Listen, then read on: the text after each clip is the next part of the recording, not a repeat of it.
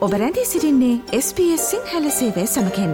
වැඩිතුර තොරතුර දැනැනීමට පිවිසන්න ps.com.ta/ Sinhala වෙපඩවයට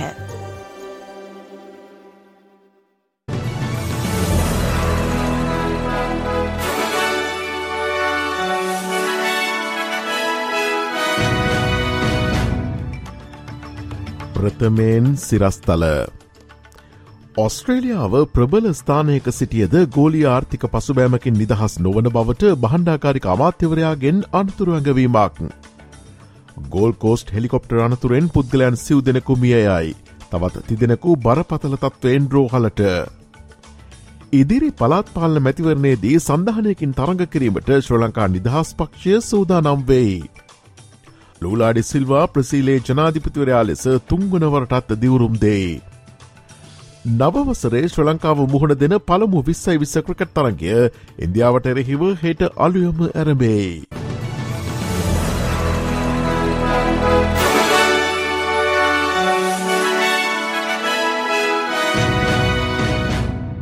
SBS Sinhala ප්‍රෘති සමඟ මම මදුරසන වෙරත්න. ඔස්ට්‍රේලියාව ප්‍රබල ස්ථානයක සිටියද ගෝලි ආර්ථික පසුබෑමකින් නිදහස් නොවන බව මධ්‍යමරජයේ බහන්ඩාකාරි අමාත්‍ය ජිම් චාමස් අනතුරුවංගවයි.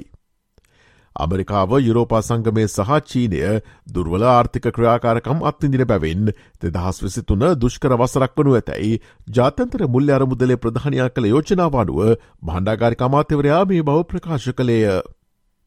යුක්‍රණය යුද්ධේ සහචීනය COොVID-19 කළවනා කරණය හේතුවෙන් බලශක්ති මිල ඉහළයාම සහ උද්දමන පීඩනය නිසා ඔස්ට්‍රලයාාවට විශෂයෙන් මෙම පීඩනය බලපානු ඇති බව ඔහු සඳහන් කළේය.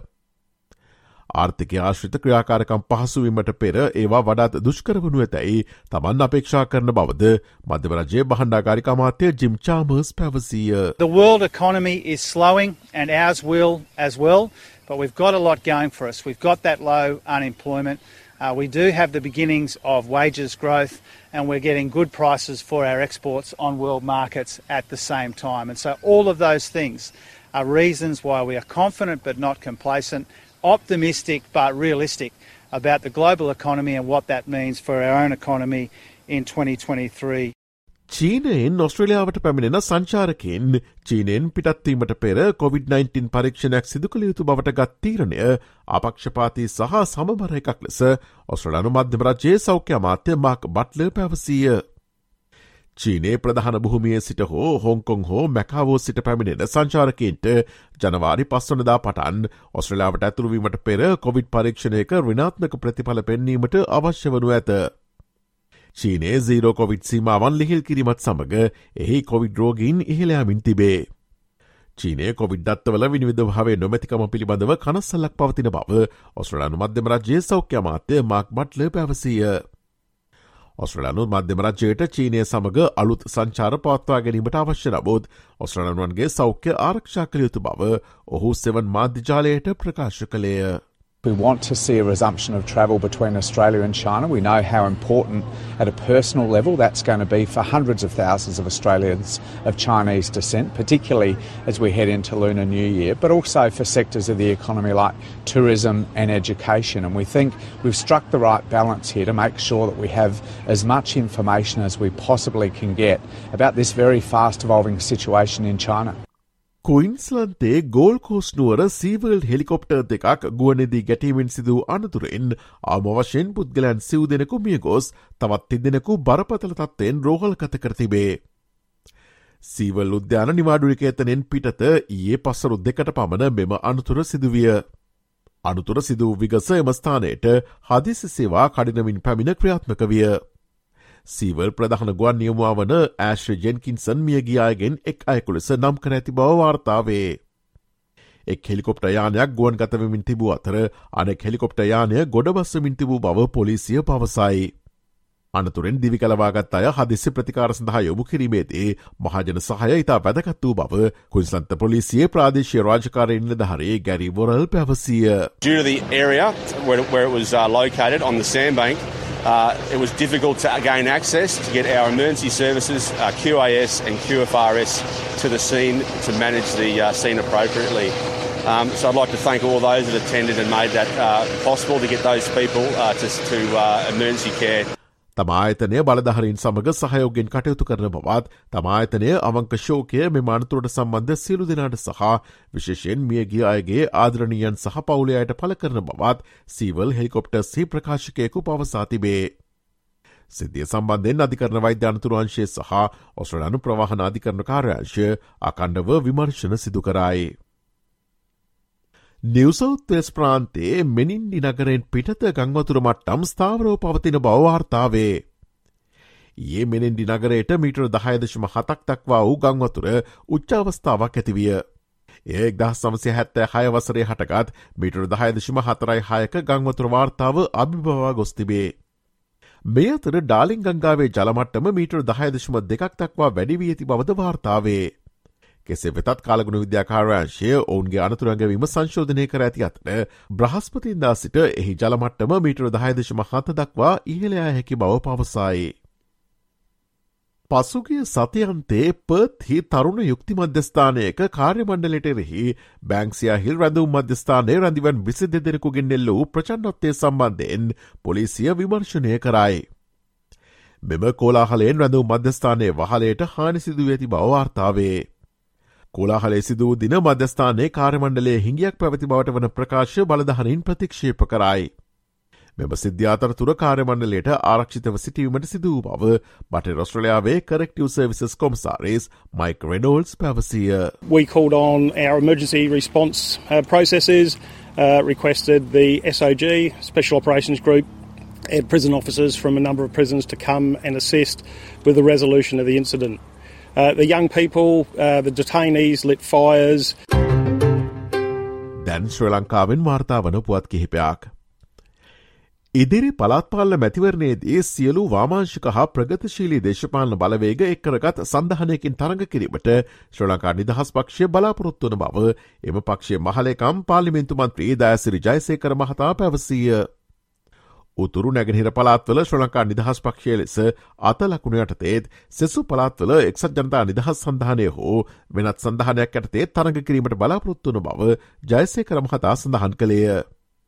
මේ වන විටත් විමල් වීරවංශ මහතාගේ සභහපතිත්වයෙන් යුත් උත්තර ලංකා සභාගය ඩලස් අලහ පෙරුම මහතා නියෝජනය කරන නිදහස් ජනතා සභාව ඇතුළු කණ්ඩෑම සමඟ මෙන්ම දේශපාලන පක්ෂ විසි හතක් සමඟ ඒ සඳහා සාකච්ඡා පවත්ව ඇතැයිද දෑසිරි ජයසය කර මහතා පැවසිය.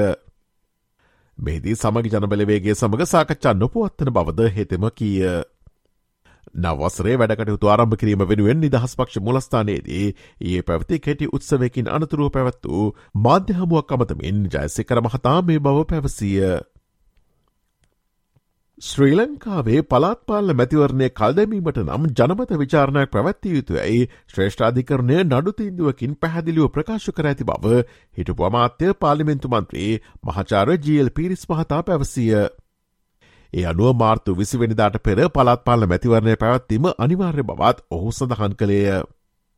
පලාත්පාල මැතිවරණය සම්බන්ධයෙන් ශ්‍රේෂ්‍රාධිකරණය තීන්දු කිහිපයක් මැති බවත් නීතියට අනුව මාර්තු විසිවනිදාට පෙර රටපුරා පළත්පාලන තුන්සිය හතලිය ස්ථාපිත කිරීමට නම් අනිවාර්යෙන් පෙබරවාරි මස අවසානය හෝ මාර්තුමස මුල පළත්පාල මැතිවරණය පැවැත්තිය යුතු බවත් ජල් පිරිස් මහතා ප්‍රකාශ කළේය. පාලිමේන්තුව පළත්පාලන මැතිවරණය කල්දමීමට යෝජනාවක් සම්මත කරගත හෝත් ඒට අවනතවීමට සිදුවන්නේ යැයි මැතිවරණ කොමිසම ප්‍රකාශ කරතිබේ නම් එය නිවැරදි ප්‍රකාශයක් නොවන බවකි මහාචාරවරයා ශ්‍ර ලංකාවේ පරමාධිපත්ති බලය පාලිමේන්තුව සතුව නොව ජනතාව සතු නිසා පාලිමේන්තු යෝජනාවකින් මැතිවරණය කල්දමිය නොහැකි බවද සඳහන් කළේය. දැන් විදෙස් පුවතාක්.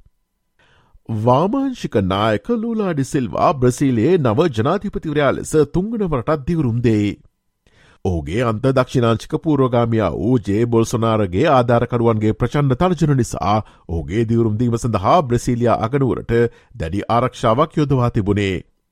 හැත්තෑ හත් හැවරදි ලූලාඩි සිල්වා වසර එක හමාරක් සිරකත කර සිටි අතර පසුව එය අවලංගු කරලාදේ. පසුගේ ඔක්තෝබර් මාසේදී බොල්සනාරෝව පරාජය කර තුංවන ජනාධිපති දුරකාලයක් දිනාගැනීමට ලූලාඩි සිල්වා සමත්විය. තමන් බ්‍රසිලේ ආණ්ඩුක්‍රම ව්‍යවස්ථාව ආරක්ෂා කරන බවට දිවරුන්දීමේ උත්සවේදී බ්‍රසිලේ නව ජනාධිපතිවරයා ප්‍රතිඥා දුන්නේය.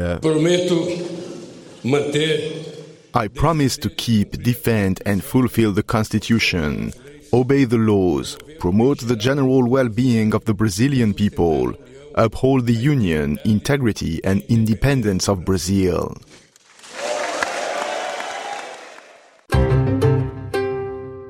දැන් ක්‍රීඩාපුවතාක්. සංචාරක ශ්‍ර ලංකා කණ්ඩෑම සහ ඉන්දිය කණ්ඩෑම අතර විස්සයි විස්ස ක්‍රිකට් තරඟාවලියේ පළමු තරගය ඔස්ට්‍රලයානු නැගහිර සම්මත වෙලාවෙන් හෙට අලියොම දොළහයිත්තිහට ඉන්දියාවේ වංකඩේ ක්‍රඩාංගනයේදී ආරම්වීමට නීමිතයි. ශ්‍ර ලංකා පිල ඉන්දියාවේදී විස්සයි විස තරඟ තුනකට සහ එක් දින ජාතන්තර තරඟ තුනකට සහභාගී වන අතර මේ සංචාරයේදී තුන්ගිරියව ක්‍රීඩක වනිදු හසරංග විස්සයි විස්ස උපනායකෑ ලෙසත් කුසල් මෙන්ඩිස් එක්දින කණ්ඩෑමේ උපනායකෑ ලෙසත් නම් කරතිබේ. දෙරට අතර පැත්වෙන දෙවැනි විස්සයි විස්ස තරගේ ජනවාරි පස්වනදා පූනෙහිදී සහ තෙවැනි විස්සයි විස තරගේ ජනවාරි හත්වනදා රාජ්කෝට් හිදී පැවැත්වීමට නීමිතයි.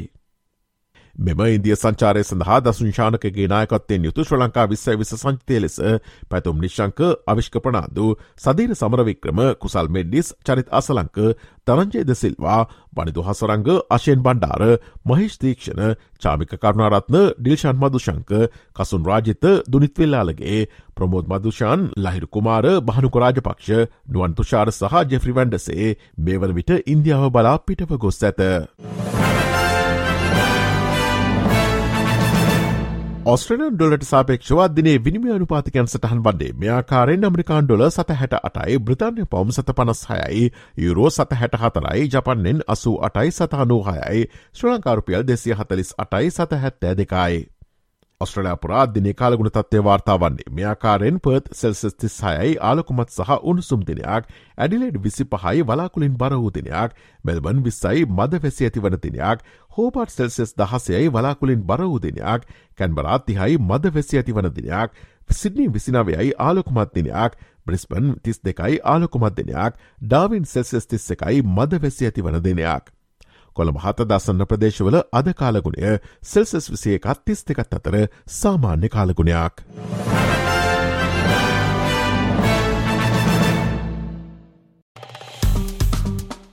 ලයි කරන්න ෂයා කරන්න අදහස් ප්‍රකාශ කරන්න SBS සිංහල ෆස්බුක් පිටුව ෆලෝ කරන්න.